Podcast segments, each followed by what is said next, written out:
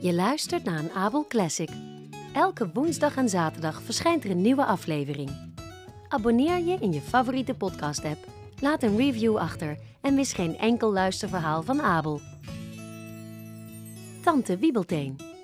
Voorgelezen door Peggy Vrijens. Aflevering 5.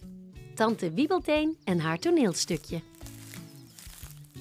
Tante Wiebelteen liep met Fido Flikvlak door het bos. Waarom wilde je eigenlijk dat ik mijn ogen sloot? vroeg tante Wiebelteen toen ze zo ver van de vossen vandaan waren dat er geen gevaar meer was. Zodat u niet ook duizelig zou worden, antwoordde het hondje. Jongen, maar dat was wel kantje boord. Heeft u al veel van dit soort avonturen beleefd? Ja, zeker, antwoordde het konijn. Maar het was wel heel slim om die salto's te maken. Misschien kun je me leren hoe dat moet? Ja hoor, zei Fido. En hij maakte heel langzaam en duidelijk een paar salto's. Toen probeerde tante Wiebelteen het ook. En hoewel ze het eerst niet zo goed kon, oefende ze tot ze er goed in was. Daarna liet Fido haar zien hoe ze op haar ene oor moest staan en met haar andere oor moest wiebelen. En hoe ze met haar ogen moest knipperen terwijl ze op het puntje van haar staart stond. Toen ze dat allemaal onder de knie had, bedacht tante Wiebelteen zelf een nieuwe truc. Let op, ik steek mijn kruk in de grond, zei ze tegen Fido. En dan spring ik erop en zing een liedje. En dat deed ze, terwijl ze een liedje zong dat zo ging. Ik ben een oud, dapper konijn op avontuur met rugpijn. En met mijn vriend Fido Flikvlak versla ik iedereen met gemak. Ik ontsnap aan alle jagers.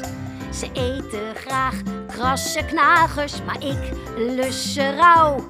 Ha, nee, mij pakken ze echt niet gauw. Ik ben hem wel oud, maar de baas van het woud. Geen zielig bang konijn, nee, mij krijg je niet klein.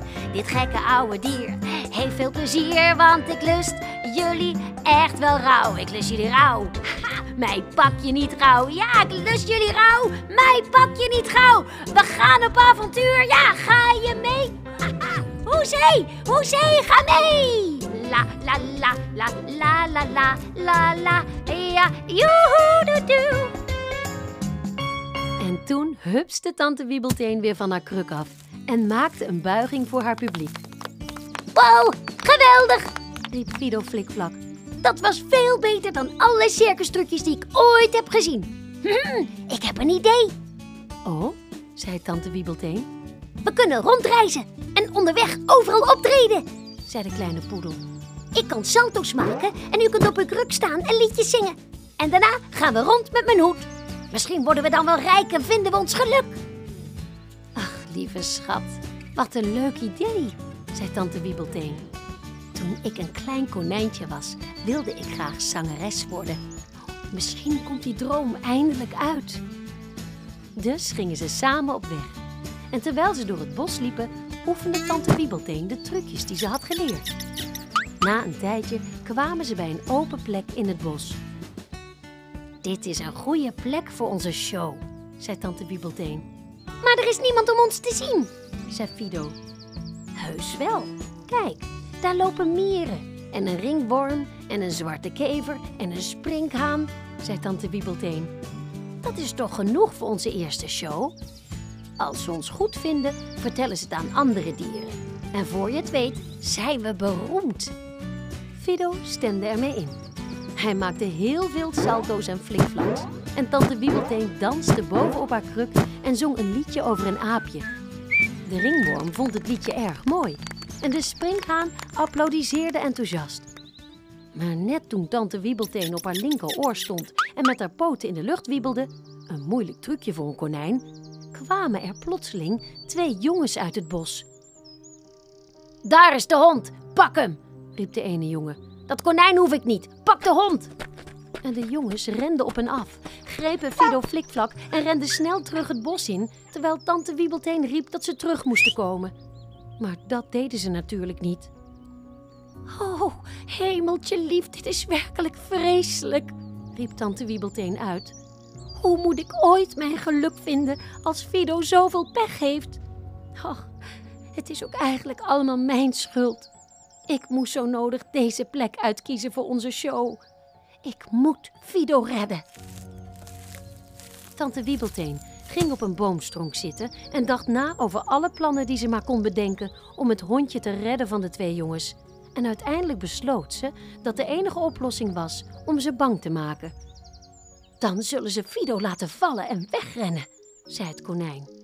Eens zien hoe ik ze bang kan maken. Oh, ik weet het. Ik doe alsof ik een tijger ben. Tante Wiebelteen liep naar een modderpoel en dompelde haar kruk in de modder. Met het uiteinde maakte ze bruine strepen op haar vacht, zodat het leek op de vacht van een tijger. Toen verstopte ze haar koffer in de struiken en hupste door het bos. Gelukkig wist ze een geheim paadje, waardoor ze hopelijk de jongens kon inhalen. Sneller en sneller hupste tante Wiebelteen door het bos.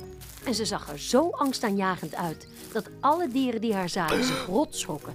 En één mus was zo bang dat hij zich in een holle boom verstopte. Na een tijdje kwam tante Wiebelteen bij een plek in het bos. En ze hoopte dat de jongens en Fido Flikvlak hier snel langs zouden komen. Toen verstopte het konijn zich in de struik, zodat de jongens haar lange oren niet konden zien. Na een paar minuten kwamen de jongens langs en ze praten over Fido en hoe ze hem in een kooi zouden stoppen en hem allerlei trucs zouden laten doen om geld te verdienen. Plotseling hoorden ze geritsel in de struiken en tante Wiebelteen stak haar hoofd en een deel van haar lichaam uit de bosjes en legde haar oren plat naar achteren, zodat ze niet te zien waren. Ah, wat is dat? riep een jongen. Het is een tijger, riep de andere jongen. Rennen, riepen de jongens.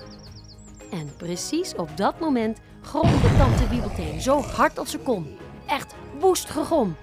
En ze rammelde aan de struiken en strak haar gestreepte poten uit. En de jongens lieten Fido flikvlak vallen en renden zo hard als ze konden weg.